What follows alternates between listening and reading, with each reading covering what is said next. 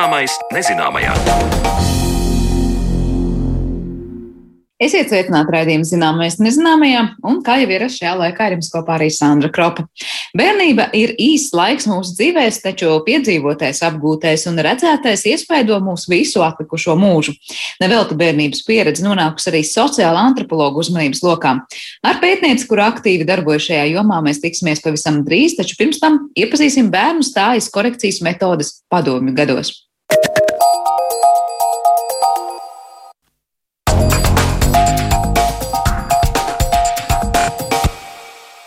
Nesot pie vienas rokas skolas portfeli bērnam, sāka deformēties muguru, un ķirurgs Aleksandrs Bieziņš mudināja skolēnus nesāt mugursomas. Tas notika jau Latvijas pirmās brīvvalsts laikā.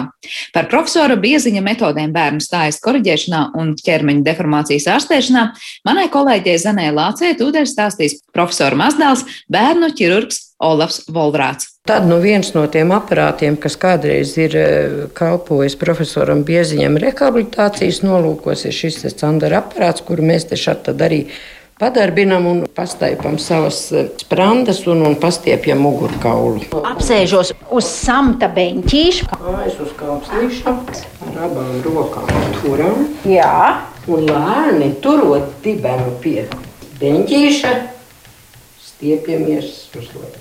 Šādi? Tā kā tāds smags atsvars. Jūtu kā muguras stiepjas.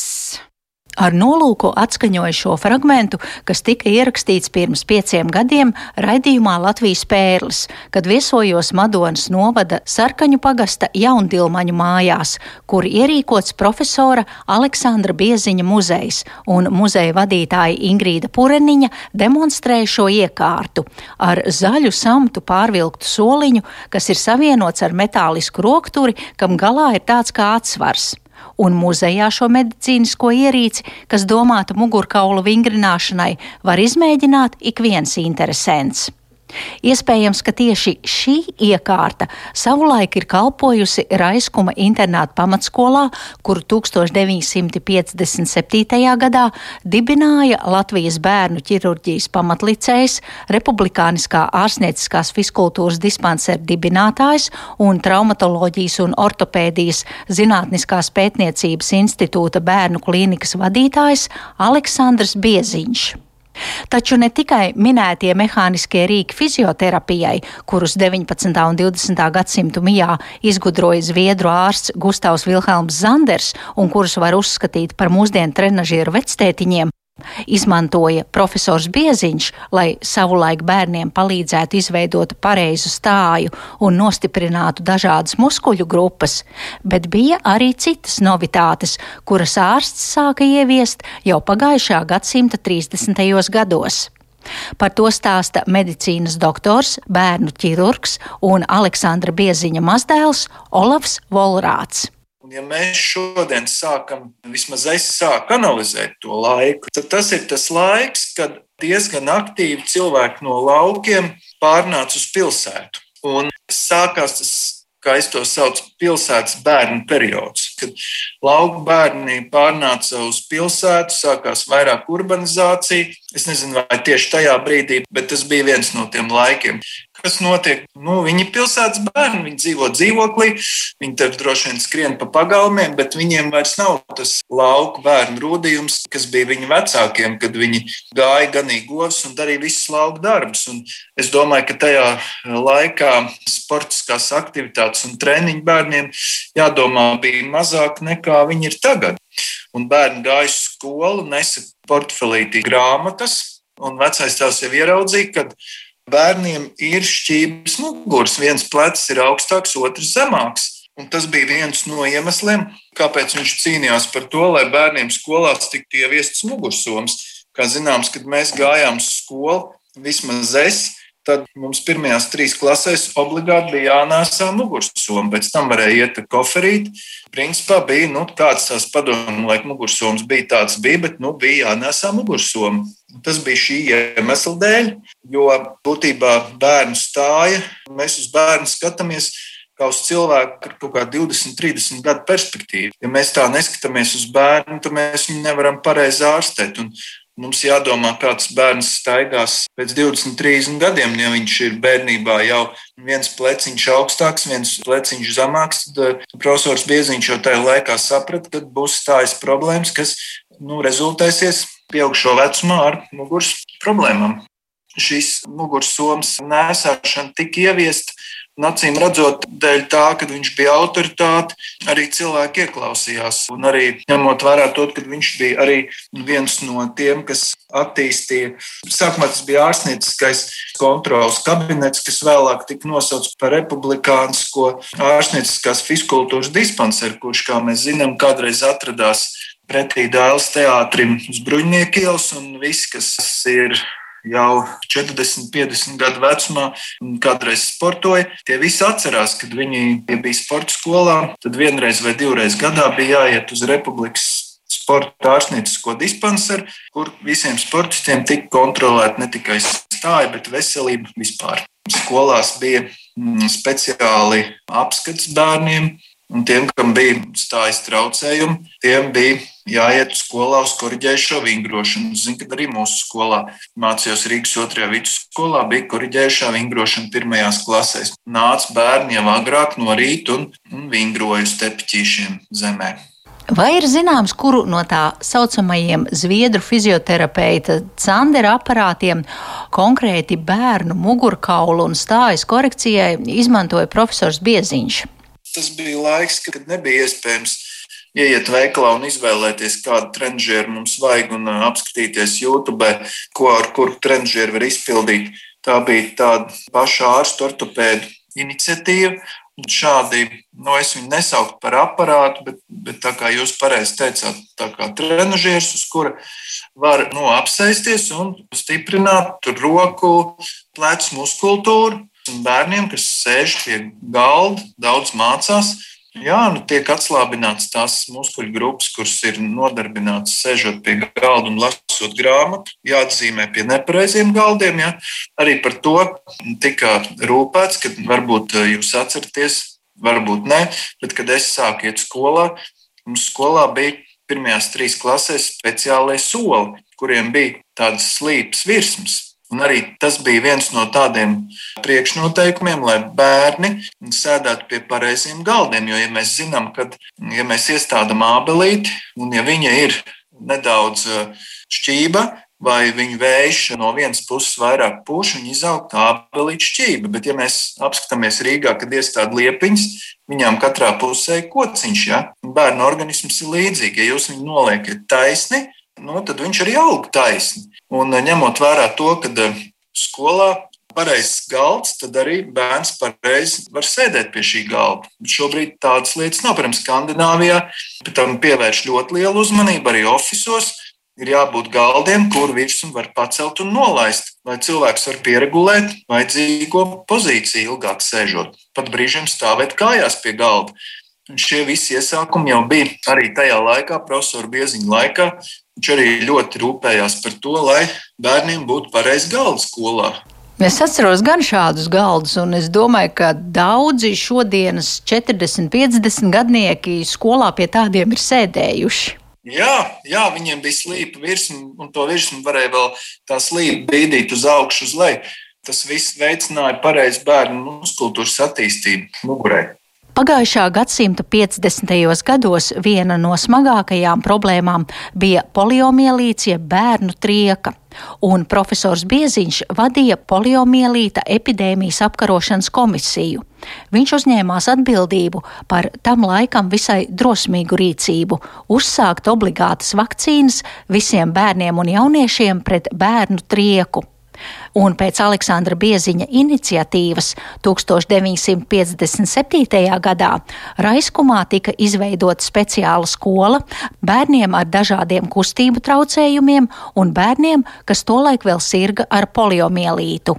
1948. gadā ar šo slimību saslima 200 cilvēki, bet 1956. gadā saslimušo skaits jau sasniedz 800. Un, lūk, profesors Bieziņš bija no tiem, kurš uzņēmās atbildību par vakcināciju. Es dažādos literatūras avotos atradu, ka Latvijā tas bija pirmo reizi pasaulē kļuva šī vakcinācija obligāta. Kad visus bērnus vakcinēja pret bērnu prieku, tas, kurš inicijēja šo vakcināciju, bija profesors Bieziņš, jo tieši ortopēds saskārās ar šīs slimības eh, briesmīgajām sekām, kad bērniem bija parēzes, paralīzes, bija atrofējusies muskultūra, bija kustība traucējumi. Lielākoties šie slimie bērni nu, bija spiesti atrasties mājās. Un, eh, lūk, šīs briesmīgās slimības poliomielītas seku ārstēšanai tika izveidots Raiskumā internāta skola, tāda speciāla, kurā bērni tika nu, rehabilitēti, tika uzsākta līdzīgi kā šodien, skarto ekstremitāšu, sākot ar masāžu, peldbaseins un pareizu vingrojumu, lai šiem bērniem palīdzētu uzlabot kustību balstu aparātu funkciju, Un līdz ar to viņi arī varētu paralēli apgūt skolas mācības, jo vecākiem nebija iespējams viņus visus izvadāt pie speciālista, tāda speciālista arī nebija tā kā šobrīd, varbūt poliklinikās. Katrā poliklinikā ir skaista fizioterapijas zāle, bet tajā laikā visi šie speciālisti tika koncentrēti Raiskumā, kur bija savs ortopēds, arī profesors Pieziņš, viņš brauc viņus tur konsultēt tos bērnus. Un viņi tur dzīvoja un rehabilitējās. Šobrīd ir aizkuma internāta skola, pat cik nav poliomielīta slimnieku seks. Tur mācās bērnu kustību traucējumiem, un viņiem tur tiek pasniegta pilna tāda nu, fiziorehabilitācijas terapija blakus mācībām. Kuras šodien no jūsu vectēva ieviestajām vai izgudrotajām metodēm eh, vēl ar vien tiek lietotas stājas eh, korekcijai vai rehabilitācijai? Tas būtu tā varbūt pārāk skaļi teikts metodi, kuru viņš izgudroja.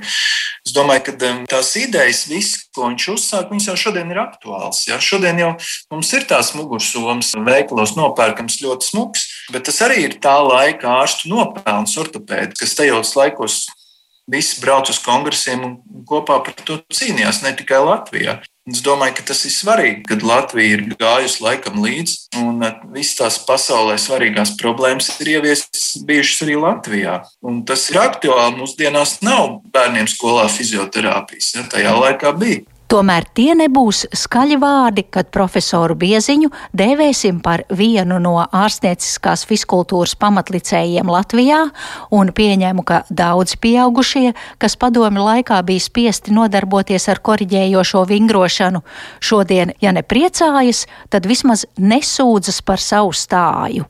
Par metodēm, kādas agrāk lietoja bērnu stājas korekcijai, stāstīja medicīnas zinātņu doktors, bērnu ķirurgs Olofs Voldrāts, bet to, kāpēc stājas korekcijas saistījusi arī sociāla antropologa uzmanību, mēs runāsim pēc brīža.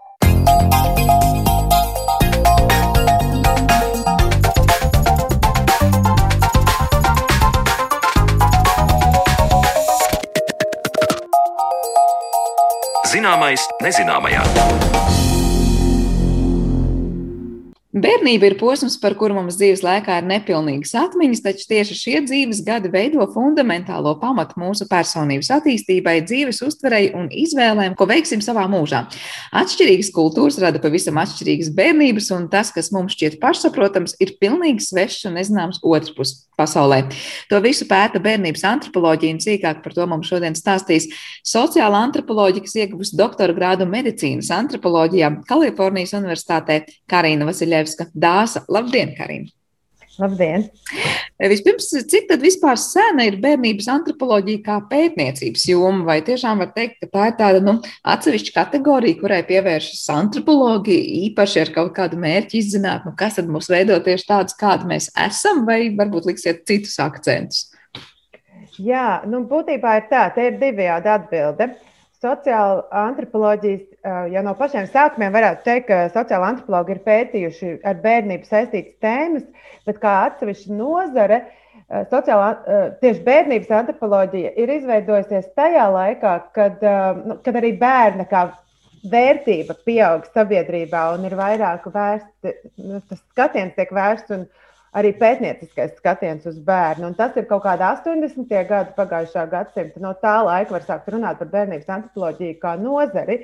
Bet, ja mēs skatāmies klasiskajā antropoloģijā, nu, kaut vai varbūt.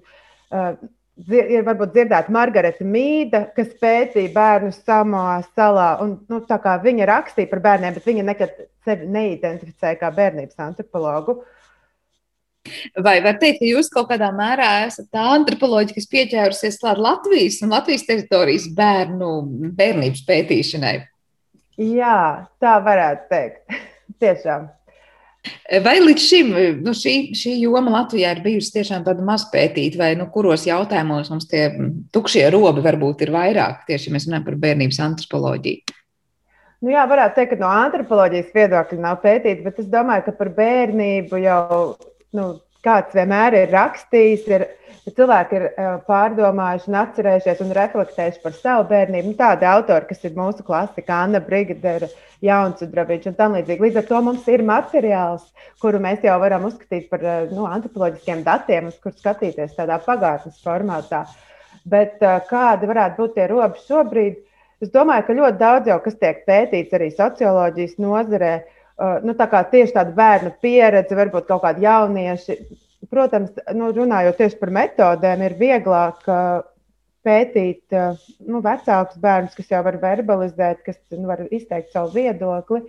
Bet um, tas, ko es cenšos darīt, savā pētniecībā ir pievērsties arī jaunāku bērnu pieredzē. Un tad tur ir tiešām tieši bērnības antropoloģija ir izstrādājusi vairākas metodes, nu, tādas vairāk teiksim, tā pieeju, jo antropoloģijas pieeja jau vispār ir um, iekļautais novērojums vai līdzdalīgais novērojums, kurā pētnieks pats piedalās kaut kādā situācijā, kuru viņš pēta. Ir dažādas lomas, kuras viņš var uzņemties, īpaši ņemot vērā, ka viņš gandrīz nekad nevar būt tieši bērns nu, šajā gadījumā tieši. Ja? Jā, bet tas nevar. Bet tas sanāk tā, ka šobrīd var teikt, eh, sociāla antropologs, kurš pētīs nu, bērnību, eh, var Jā. pētīt tikai to, kas šobrīd notiek ar bērniem. Jo, vai vai tad, jo novērojums ir iespējams ar bērnu šobrīd, vai tomēr ir iespējams pētīt bērnības antropoloģijas kaut kādus aspektus par, nezinu, bērniem, kas bija bērni tur 80. gados šobrīd? Jā, noteikti, jo no, sociālās zinātnēs jau ir dažādas metodas, kas ir pagātni vērstas. Kaut vai tā literatūras analīze, tas ir viens veids, kā mēs varam skatīties varbūt kaut kādu 19. gadsimtu. Bet, nu, un skatīties antropoloģiski, ne literāri. Bet uh, mēs varam skatīties, nu, ja mēs runājam par 80 gadiem, šeit jau mums, mēs varam skatīties atmiņas, dzīves stāstus, kas ir, protams, arī viena no socio, sociālo zinātņu metodēm. Tā kā, protams, ka mēs varam pievērsties, un tas tiek arī antropoloģijā ļoti daudz darīts. Šobrīd, piemēram, top viena konference, kas ir tieši par padomu laiku bērnības atmiņām. Tur tieši šī tādā perspektīvā mēs arī skatīsimies uz, uz bērnību, kā no, kā no tagadnes skatoties atpakaļ. Un tas ir iespējams. Jā. Un tas ir nenoliedzami interesanti. Es domāju, parūk, palūkoties arī, es domāju, nevienam vien mūsu šī raidījuma klausītājiem varbūt arī izdosies sadzirdēt kaut ko pazīstamu, ja mēs runājam par nu, to cilvēku bērnību, kura bērnība varbūt tiešām aizratēja pat iespējams padomju laikā. Un es tieši tāpēc gribēju vaicāt par jūsu disertāciju, jo es saprotu, ka tur tā galvenā tēma bija par stājas korekciju padomju laikos. Kāpēc tāda tēmas izvēle un ko dod šis pētījums? Ko mēs par to varam vairāk un plašāk uzzināt? Nu jā, te man ir vispirms jāsaka, ka tā stājas korekcija noteikti nav manas disertācijas pamatēma. Tas ir vienkārši viens no leņķiem, no kuras skatos uz Latvijas bērnu veselību, tas ir viens no veidiem, kā es varu paskatīties padomju pagātnē. Jo tur tieši caur um, šī asimetrijas, nu, bailēm no asimetrijas, kas, nu, kā es šo hipotēzi, ka tas ir pamatā tām bailēm no, no stāja, kaut kādām stājas, novirzēm stājā, tad tieši pētot šo asimetrijas tēmu, var aiziet atpakaļ nu, vismaz tik tālu, cik kā padomi pagātne un da, daudz medicīnas prakses un vēl tālāk. Protams, arī. Bet vispār manas disertācijas fokus ir uz bērnu veselību un ļoti plaši ņemot, kā, vairāk arī kā mūsdienu, nu, skatoties uh, no mūsdienu perspektīvas.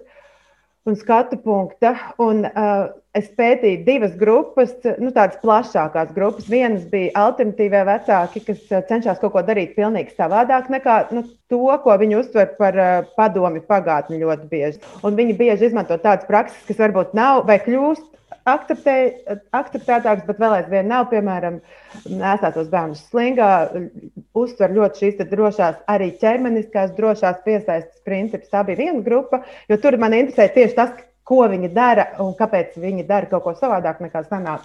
Un tad otra bija tāda plašāka, varbūt tās visa sportisko bērnu veselības aprūpas sistēma, kurā tieši tur arī parādījās tas, cik ļoti tomēr um, ķermeniskām izpausmēm, īpaši stājai, cik liela nozīme ir vēl aizvien Latvijā, novērojot bērnu veselību.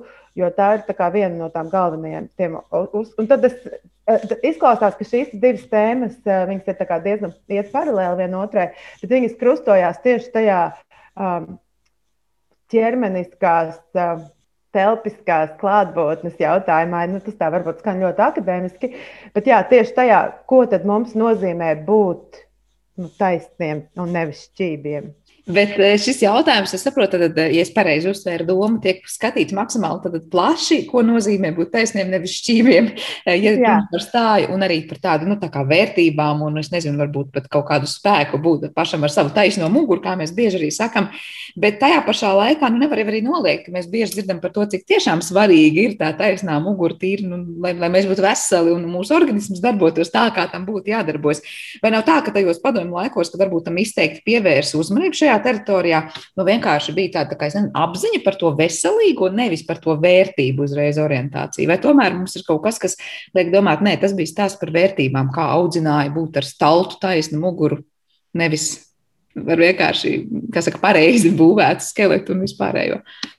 Jā, nu jā, manuprāt, nekad nekas nav tikai vienkārši pareizi būvēts skelets. Nu, man kā antropologam vienmēr liekas, ka jeb kurai medicīnas praksē ir kaut kāds nu, kā plašāks uh, pamatojums, un viņš ļoti bieži balstās kaut kādās kultūras praksēs un uzskatos. Uh, konkrēti par šeit, piemēram, es arī gribu noteikti pateikt, ka es necenšos izdarīt medicīniskus slēdzienus un, un, un vai kaut ko, jebkādā veidā uz, kā, norādīt, ka stāja nav jāuzrauga, vai arī nu, šajā gadījumā otrs, eh, medicīn, otra tāda medicīniskā diagnoze, kam es pievērsos, bija zīdaiņu tonus, kas arī zināmā mērā par asimetriju ķermenisku.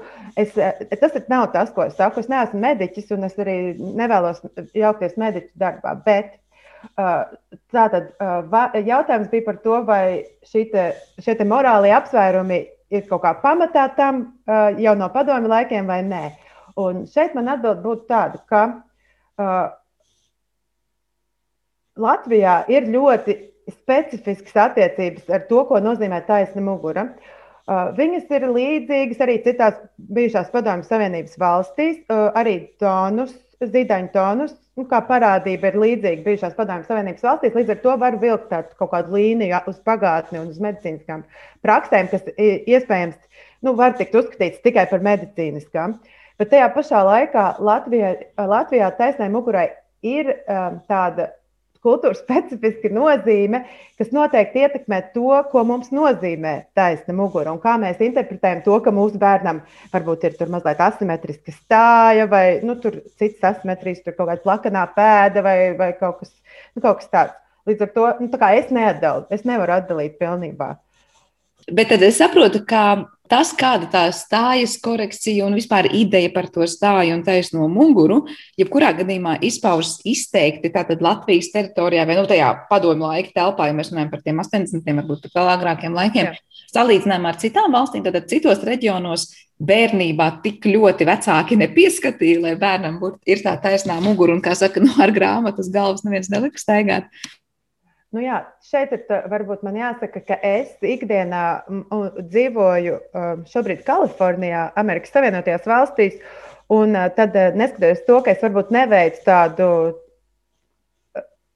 īstu pētījumu, nu, tādu, kas ir tā kā, akceptēts no manas universitātes vai tam līdzīgi, bet kā, dzīvojot Kalifornijā, man ir nācies novērot, ka tur daudz mazāk uzmanība tiek pievērsta. Un tas, ir, nu, un tas nav tikai varbūt Kalifornijā, tas ir arī citās uh, valstīs, uh, kas ir nu, tā, tajā tā saucamajā rietumu zonā, kur varbūt šobrīd Un, un šeit ir atkal, es neesmu to pētījis vēsturiskā kontekstā. Šobrīd netiek pievērsta tik ļoti liela uzmanība, piemēram, nu, tam, vai, vai maziņš zīdainītis ir jau asimetrisks kaut kādā veidā, vai arī vēlāk stājai tieši kā, nu, kā, kā, kā parādībai netiek pievērsta tik liela uzmanība. Protams, tādas medicīnas diagnozes kā skolioze tur pastāv, viņas tiek ārstētas bet viņas, piemēram, netiek ārstētas ar uh, ārstniecisko vingrošanu un tam līdzīgām praksēm, kas nāk no padomju laikiem Latvijā un kas, manuprāt, nu, tā kā, nāko, tā kā esot no Latvijas, man vienmēr tas pārsteidz, ka tas vingrošanas elements vispār netiek ārstniecībā uzsvērts, piemēram, skolajos ārstniecībā, kas ir tiešām nopietna muguras saslimšana. Un ir arī viens no iemesliem, kāpēc vēsturiski Padomju Savienībā veidojās tās muguras skolas, kur tieši tika uh, ārstēta jau skolas laikā muguras veselība. Tas bija tieši no skoliozes pētniecības. No aptuveni 40 skolas tāds bija padomju periodā, periodā. Mums Latvijā vēl aizvien um, ir tāda skola. Tā, tā ir tāda, var teikt, mūsu nu, īpašā iezīme, varbūt salīdzinājumā ar citām sabiedrībām un citām bērnībām. Bet vai ir kaut kāda interesanta pēc tam novērojuma, kas notiek ar šiem bērniem, kad viņi ir izauguši? Un tad vienā gadījumā, tad, kad viņiem tiešām pastiprināti pievērš šo uzmanību tur stājai un, un, un, un visam pārējiem. Un vai tas atstāja kaut kādā mērā tomēr tās, tās, tās citas sajūtas vai citu skatu uz dzīvi un tiešām to taisno muguru arī pārnest tajā nozīmē, uh, ja mēs runājam par to, kādi ir tie bērni izauguši vienā un otrā sabiedrībā? Nu jā, es nevarēšu salīdzināt, varbūt tik ļoti, bet es varu noteikti pateikt, ka tas atstāja ietekmi, jo arī mūsdienu vecāki saviem bērniem visu laiku saka, ka Latvijā, lai viņi sēž ar taisnu muguru un, un, un, nu tā, un viņus uzkraut tas, kā viņi sēž pie datora. Nu, cik es esmu novērojis daudz vairāk nekā tos vecākus, tiem, nu, tas viņus, viņiem rūp daudz vairāk nekā tiem vecākiem, ko es pazīstu, piemēram, Kalifornijā. Izņemot, ja viņi ir no bijušās padomjas Savienības. Tā kā tādā mērā noteikti mēs turpinām to tradīciju. Mums taisa mugura ir nozīmīga, un, jā, un viņa mums, nu, kā, mums ir dažas citas uh, darbības, kurās mēs iesaistamies tieši bērniem, piemēram, uh, dejošana, arī dziedāšana ar, ar staltu stāju ir, ir vērtība, viņa visu laiku tiek veidota. Tur tādā ziņā, vai var medicīniski salīdzināt Tas būtu ļoti interesants pētījums. Domāju, kādam vairāk mediķim tas būtu kādreiz jāveic salīdzinošs pētījums ar, piemēram, Amerikas mugurām kaut, ar kaut kādiem objektīviem rādītājiem un Latvijas bērnu mugurām. Es aicinu kādu veikt šo pētījumu. Es, es ja. nevarēšu pateikt, kā antropologs tieši par to. Es tieši gribēju teikt, ka tur būtu interesanti varbūt arī kādam no psiholoģijas eh, varbūt jomas eh, paskatīties, vai ir atšķirība tajā, kādas veidojas mūsu personības, un varbūt es nezinu, pašapziņa un, un tā tālāk un tā joprojām. Eh, ja mēs esam uzauguši vienā vai otrā nu, ja tā var teikt, sistēmā. Bet jūs minējāt to otru virzienu par tiem vecākiem un to ķermenisko kontaktu, ja, kas ir svarīgs. Nu, kad šī gadījumā skatoties kaut vai to, cik ļoti mēs tur uh, bērnus sev tuvu turam, nesājot vai guļot vienā gultā vai ilgi barojot ar krūti un tā tālāk un tā joprojām.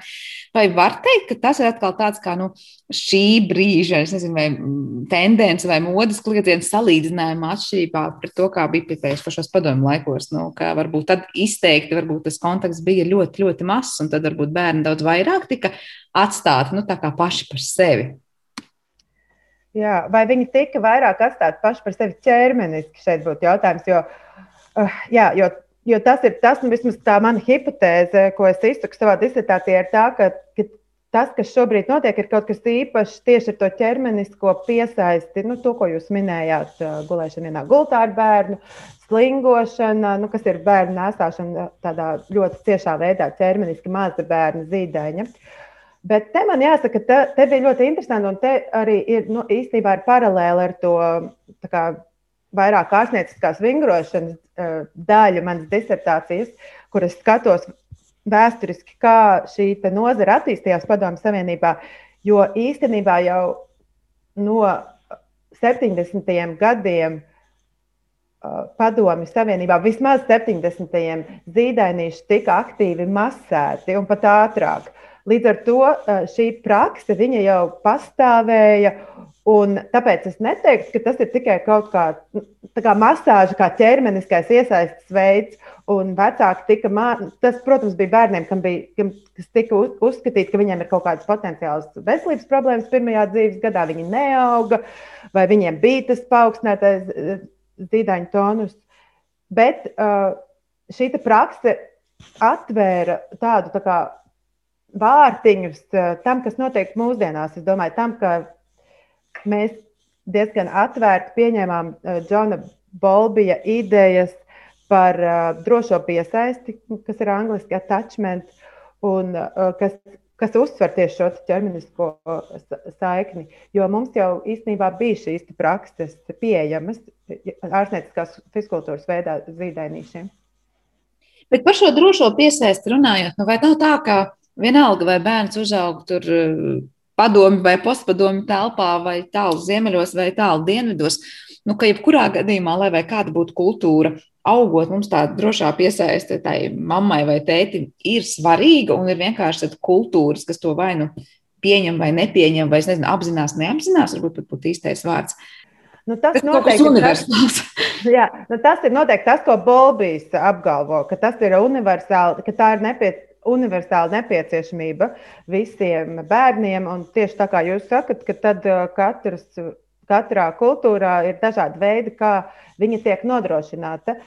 Un tad varbūt varētu teikt, ka Latvijas kultūrā viņa netika nodrošināta tik ķermeniskā veidā. Bija dažādi citi veidi, kādā tika veidot drošā piesaiste. Kaut gan, protams, Balbijas uzsvēra tieši to agrās bērnības ķermenisko piesaisti. Un tad uh, agrās bērnības speciālisti, kas uh, izmanto Bolbija drošās piesaistes idejas, viņi ļoti bieži runā par tām kultūrām, nu, tām citām kultūrām, bērnības kultūrām, kuras jūs pieminējāt pašā sākumā. Bet man kā antropologam vienmēr mazliet ieslēdzās tas uh, nu, skepse šeit, jo es, mēs kā antropologi pētām arī um, inuītu kultūras, kur jā, tieši varbūt kaut kādu klimatisko apstākļu dēļ varbūt tāds āda pret tādu, nu, kas ir viens no tiem. Vien, viena no tām praksēm, kas ir ļoti svarīga pēc pēcdzemdību ādas un ādas konteksts, nav iespējams tādā veidā, un tāpat tās attīstās kaut kāds konteksts. Līdz ar to, uh, jā, uh, vai tā ir universāli nepieciešama? Universāli nepieciešamība, manuprāt, ir pēc cieša kontakta ar pieaugušo, un tad ir viss pārējais tā visa gradācija, pēc kuras tiek viņa veidota. Es pareizi saprotu, ka tieši kontakts ar pieaugušo ir svarīgs pilnīgi visiem bērniem. Universāli tā tad var teikt lieta, bet kā tā tiek īstenota, tas ir atšķirīgi un nevienmēr tas ir tāda pret tādu, kā jūs teicāt. Iespējams, tas ir kaut kas pilnīgi cits citās kultūrās, bet tā drošā piesaist vienalga to savu funkciju veids. Ja? Jā, un vēl, eh, protams, eh, kas ir noticis ar drošās piesaistes, tieši nu, tā kā Bolbija idejām, viņas ir kļuvušas ļoti piesaistītas nukleārajai ģimenei. Un tieši mātei, kā personai, neskatoties uz to, ka varbūt ka tas nebija nemaz tas uh, sākotnējais. Tā sākotnējā motivācija viņam, bet nu, tā vienkārši ir noticis, jo mēs dzīvojam sabiedrībā, kurā, nu, teiksim, tā globāli tā nukleārā ģimene šobrīd tiek uzsvērta kā tāds kaut kāds ideālais modelis. Tā ir viena no tām no, viens no tiem aspektiem, kur var izaicināt un jautāt, vai tiešām tā ir tikai māte, vai tas ir jebkurš pieaugušais. Nu, tur, jo, piemēram, tajā pašā inuītu kultūrā, kuras pieminēju, tur var tur bērniem, nu, vismaz senāk, šobrīd jau tās etnogrāfijas, ko es esmu lasījis, ir viņas tomēr kādas vismaz 30 gadus vecas, bet tur adopcija ir daudz uh, ierastāka pieredze, un tur bērnus var pieņemt savā ģimenē vienkāršāk, jo tur nav šī pieķeršanās tai idejai, ka ir tikai bioloģiskie vecāki, kas var audzināt savus bērnus.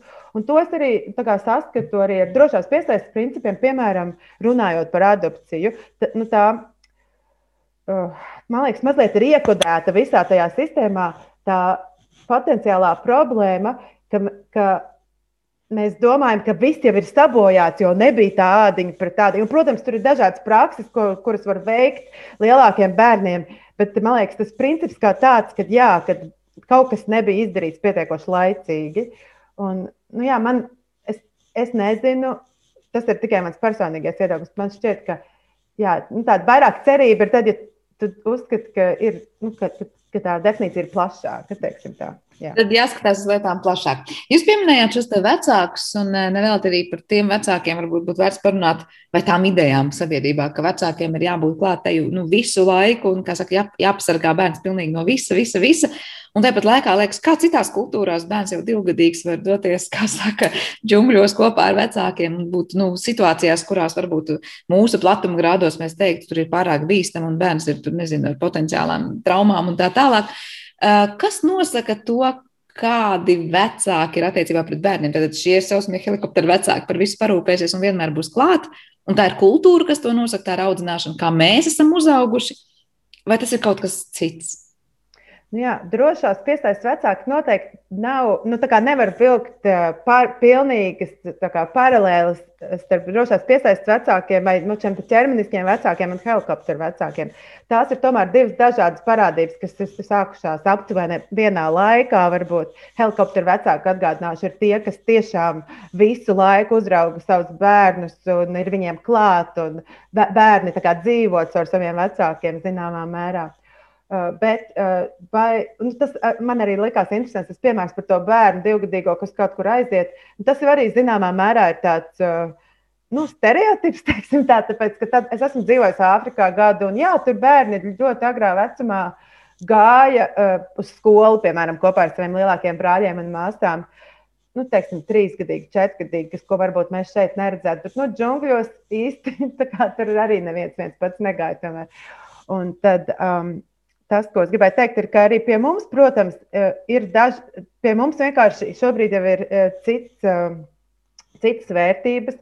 Un tie vecāki, kas savu divgadīgo vai nu, teiksim, pat trīsgadīgo un četrgadīgo atstātu ne, neuzraudzītu, tie ir vecāki, kuri ir kā, sociālo dienestu uzraudzības lokā. Nu, kā, kaut kas ir mainījies jau tajā politiskajā sistēmā, varbūt arī saistībā ar to, kādas ir bērnu tiesības, kādas, ka, ko mēs vispār sagaidām, mē, kā, kā vispār ir mainījies bērnības jēdziens kā tāds. Un to antropologi ir ļoti daudz pētījuši, jo tas tiešām ir ļoti mainījies tā, vismaz tā, tā saucamajā rietumu pasaulē kopš viduslaikiem. Es nezinu, kādā laika skalā mēs varam salīdzināt, bet kā mainījies bērnības jēdziens nu, pēdējos, nezinu, gada desmitos, ja tā var teikt. Jo es nezinu, es atceros savu bērnību un skatos varbūt uz eh, šobrīd bērniem, kā es atceros sevi tajā vecumā. Nu, nu, es neredzu tik daudz šobrīd apkārt bērnus, kas varbūt viena varētu būt ar, nezinu, bumbu kaut kur sētā spēlēties, un tad kaut kad atnāk mājās, jo šobrīd liekas, ka tā bērnu uzmanīšana, tā bērnības, var teikt, tāda, nu, pasargāšana bērnu nu, daudz, kā ir daudz augstāk augstākā līmenī nekā tas bija 80. gados. Jā, nu tā ir arī aptuveni mana bērnības tas laiks, 80. gadi. Noteikti Latvijā ir notikusi liela pārmaiņa. Amerikā vismaz tādos vidusšķiras, nu, tādos vairāk privileģētos rajonos, viņa ir vēl daudz lielāka, tur vēl daudz mazāk redz bērnus. Uh, spēlējoties ar bumbu kaut kur ar citiem draugiem, kaut kur kā, ārpus viņu tās mājas uh, te, teritorijas. Tā kā, tur noteikti Latvijā, vēl salīdzinot ar nu, to, ko es zinu, Kalifornijā ir vēl bērni, tomēr paši iet uz skolu. Bet, protams, tas, kas ir noticis, ir tas, ka ir notikusi arī tehnoloģijas at, attīstība, un bērns bez telefona jau tagad ir apdraudēts. Tā kā pirmajā klasē viņam ir, ne, ja viņš iet, tad viņam vismaz vajag kaut kādu veidu, kādā vecāks tomēr var izsekot, kur viņš atrodas. Un tas ir mainījies noteikti arī Latvijā, un tas ir pat mainījies Latvijā vairāk nekā Amerikā, kur es vismaz nepazīstu nevienu pirmklasnieku ar telefonu. Uh, nu, vismaz tajā vietā, kur es dzīvoju. Es gribēju teikt, ka tās tehnoloģijas laikam ir viens no aspektiem, kur mēs bieži piesaucam par to runājot. Nu, jā, bērnības tagad ir citas, un tagad ir dators vai telefons, nevis reāli bumba vai es nezinu, vēl kaut kas. Mēs laikam arī daudz ko varbūt noveļam uz tām tehnoloģijām šobrīd, sakot, ka viss mainās tehnoloģiju dēļ, bet patiesībā tas ir mūsu, nu, nezinu, vērtību vai, vai darbību dēļ, uzmanības dēļ. Jā, man šķiet, tas ir brīnišķīgs novērojums. Es domāju, ka tieši tā arī ir, ka mēs vairāk uz, uz tehnoloģijas iespējams, protams, viņas attīstās, un viņas arī kaut ko pašas par sevi maina, bet mainās arī šīs paudzes, vecāku paudzes, kaut vai jau iepriekš minētie helikopteru vecāki, kas tomēr ir nu, kustība, ja mēs viņu varam nodēvēt par kustību, ir attīstījusies no 90. gadu nu, sākuma aptuveni. Ja, tur varbūt tehnoloģijas tajā brīdī nebija, nebija pieejama mobīlie tālruņi, tā kā tagad, vai kaut kādas tracking sistēmas, bet tā vēlme zināt, kur tavs bērns atrodas visu laiku, vai visu laiku viņu pārvadāt no vienas tā, uh, aktivitātes uz otru, viņi jau tāpatās jau tajā brīdī. Un bija radusies, un viņa, protams, ir saistīta vairāk ar to, ko vecāki sagaida no bērna. Kas ir panākumiem bagāts bērns vai pieaugušais, tā, kas izaug no šī bērna? Vai savukārt kāds ir ideja par labu vecāku, nezinu, tēlu, eh, zinot, kādi varbūt pašiem ir bijuši vecāki, un tad varbūt gribas darīt kaut ko tieši tāpat, vai gluži otrādi tieši pretēji, varbūt arī eh, nu, tā pretnostatītā situācija, kas varbūt ir padomu laika atkal piesaukšana no varbūt tiem vecākiem, kas varbūt visu laiku nebija klāt, un arī, nu, kaut vai stāst par, par piedzimšanas brīdi, ja, kas bija ļoti normāli un pieņemama praksa, nošķirt bērnu no, no mammas jau piedzimšanas brīdī.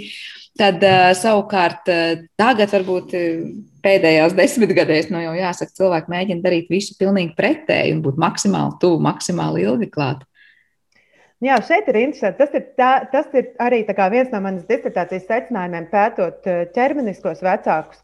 Es jau minēju, ka viņi kā, ārēji šķiet, ka viņi visu dara, lai būtu savādāk nekā varbūt ne tieši viņu vecāki, jo ļoti bieži viņi uzsver, ka viņu mammai, piemēram, bija savādāk, viņai, piemēram, bija piens, ar ko izbarot bērnu, nu, tā kā zīdainīti, bet citiem nebija. Un tā, piemēram, tas uzskats, ka, ka, ka padomju laikos, ka tā sistēma būtībā sabojāja sievietes iespēju zīdīt bērnu. Viņa māmas mūsdienās ļoti nu, aktīvi pret to uh, darbojās, kā, lai būtu savādāk.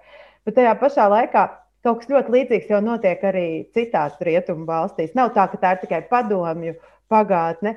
Bet padomju pagātne ir tas, par ko domājam mēs šeit, Latvijā.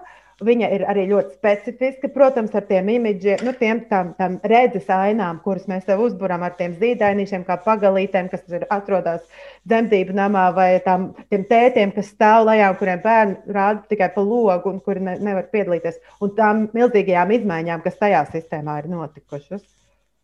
Jā, tā ir tāda no mūsu šīs teritorijas pieredze, domājot par to pagātni pirms vairākām desmit gadiem, un, un gribot, negribot, nu, tā ir tāda, kāda tā ir. Bet noslēdzot šo sarunu, gribēju vaicāt, kāpēc vispār kopumā ir interesanti un vajadzīgi pētīt bērnību tieši no antropoloģijas skatu punkta, un kādi ir tie nu, tālākie secinājumi, ko izdarot. Mēs, mēs varam, es nezinu, vai mainīt savus uzskatus, vai mainīt un pārskatīt savu rīcību, stereotipus. Es nezinu, kas ir tas jūsu varbūt skaidrojums. Es varu pastāstīt par savu motivāciju. Mani aizvien, pat pirms man tagad ir bērni, bet bērnības etnogrāfija, nu, kas ir tas teksts un process, ko antropologs rada, un bērnības antropoloģija man interesēja jau pirms manas bērnu dzimšanas, tāpēc, ka tas ir veids, kā viss ātrāk īstenībā saprast, kas notiek sabiedrībā. Jo bērns ir sabiedrības spogulis, viņš ataino gan savu vecāku kaut kādas gaidas un, visu, kā viņš tiek jau audzināts, un, bet, bet arī tā kā vecāki atspoguļo tieši kā jūs iepriekš sacījāt, ka tas ir arī par to, kāds ir labs vecāks. Viņi arī atspoguļo to, nu, to spiedienu, jeb varbūt tās kaut kādas pozitīvās motivācijas, kas viņus vada. Un, un tāpēc man vienmēr li, ir licies, ka, ja tiešām mēs varētu pat ar ļoti maziem, piemēram, kaut vai tāda tēma kā kaut kādas dzimtas attiecības, kā puikas un meitenes savā starpā. Um, darbojās. Vai, nu, to, to vienkārši burvīgi var izpētīt bērnības vecumā un, un, un izdarīt secinājumus par sabiedrību kopumā. Jā, nu tiešām jāsaka, ka ielūkošanās bērnībā ir ļoti interesants uh, fenomens. Es domāju, gan katram mums personīgi, gan arī sabiedrībai kopumā skatoties, nu kāda tad mēs esam šobrīd sabiedrībā tie, kas, nu, kur nu pirms cik gadiem katrs bija bērns. Ja? Un mēģināt saka, savilkt šīs līdzības, kā mēs katrs tikām audzināti, uzaugām un kāda bija tā laika vērtību sistēma un arī iespējas. Teikšu jums lielu paldies par šo, nu, laikam, nelielo ieskatu tajā, kas ir vispār bērnības antropoloģija. Atgādināšu mūsu klausītājiem, ka šajā raidījuma pusstundā bijām kopā ar sociālo antropoloģiju, kas iegūst doktora grādu medicīnas antropoloģijā Kalifornijas Universitātē, Karinu Vasiljevsku Dāsu. Un, jā, man liekas, ka tikai bērnības antropoloģijas tematika šajā raidījumā tiek tikai un vienīgi ieskicēta, un šīs sarunas mēs varētu droši vien turpināt vēl un vēl. Paldies visiem par klausīšanos. Atgādināšu, ka šo raidījumu producēja Paula Gulbinska un par mūziku parūpējās Girds Bišs. Savukārt jums kopā šo stundu bija Sandra Krupa, un mēs tiekamies jau atkal rīt. Visu labu!